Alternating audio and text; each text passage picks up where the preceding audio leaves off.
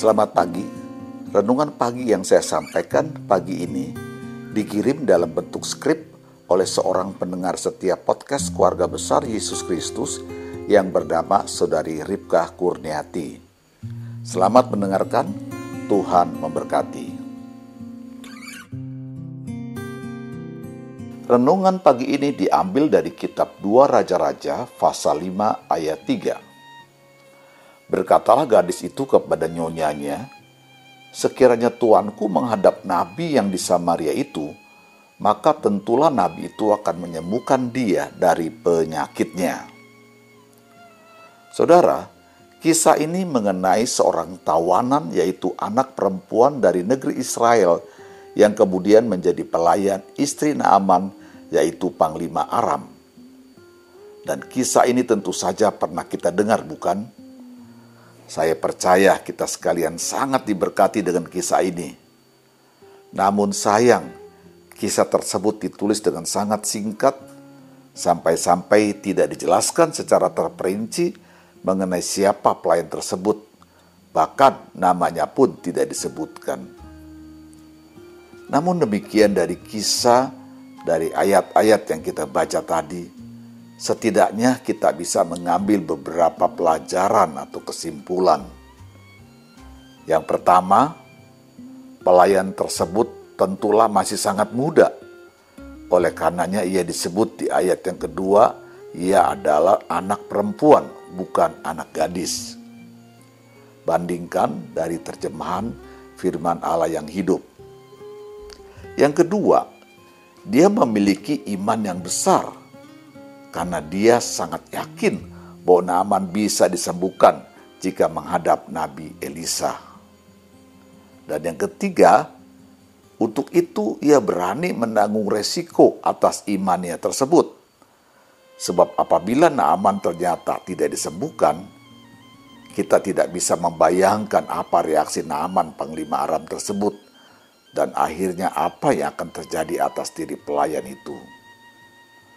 Dan yang keempat, jika kita melihat keyakinannya terhadap Nabi Elisa, bahwa Nabi Elisa bisa menyembuhkan Naaman, dapat diperkirakan sekalipun ia masih sangat muda, bahwa ia sangat mengenal Nabi Elisa dan bukan seperti orang yang baru mengenalnya.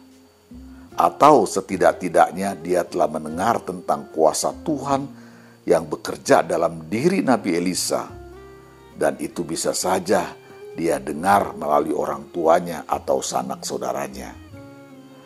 Dan yang terakhir, pelajaran kelima yaitu ketulusan hatinya untuk membantu Naaman sekalipun dia hanyalah budak bagi Naaman. Saudara, karakter dan iman yang dimiliki anak perempuan ini sangatlah luar biasa bukan? Sehingga muncul pertanyaan, bagaimana bisa seorang anak yang masih sangat muda memiliki karakter dan iman seperti itu? Siapakah yang membimbing dia sehingga bisa menumbuhkan iman dan karakter seperti itu? Orang tuanya kah? Atau ada orang lain?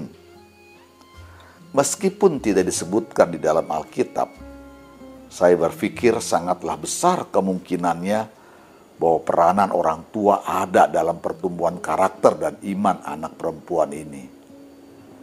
Untuk itu, mari kita renungkan bahwa di zaman sekarang ini, terkadang orang tua terlalu sibuk dengan kegiatannya sendiri, sehingga bisa saja anak menjadi kurang mendapat perhatian dari orang tuanya. Sementara dengan teknologi yang sangat canggih dan informasi yang serba cepat, anak-anak banyak mendapatkan dan mempelajari banyak hal apa yang ada di internet tersebut. Mereka bisa saja akhirnya mengikuti pola tingkah laku dari internet.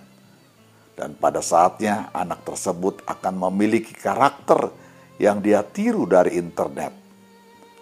Lihatlah, tidak sedikit anak-anak zaman sekarang yang mudah putus asa, mudah menyerah, karena mereka melakukan apa yang dia lihat dan tiru dari media dan bukan dari firman Tuhan. Sekiranya renungan hari ini mengingatkan kita, adakah kita menginginkan anak-anak kita memiliki kekuatan iman dan karakter seperti anak perempuan itu? Adakah kita memperhatikan pertumbuhan rohani anak-anak kita dan berusaha menuntun mereka memiliki hubungan yang erat kepada Allah, bukan sekedar membesarkan dan menyekolahkannya saja? Jika iya, marilah kita kerjakan seperti yang telah Tuhan perintahkan dalam ulangan 11 ayat 19. Kamu harus mengajarkannya kepada anak-anakmu dengan membicarakannya. Apabila engkau duduk di rumahmu, dan apabila engkau sedang dalam perjalanan, apabila engkau berbaring dan apabila engkau bangun. Dari ayat-ayat ini, kita diingatkan bahwa kita harus membicarakan firman Allah itu dengan terus-menerus kepada anak-anak kita. Bahkan setiap hari, setiap saat, di mana pun kita berada. Kiranya Tuhan akan memberkati anak-anak kita Sampai jumpa besok pagi. Tuhan memberkati.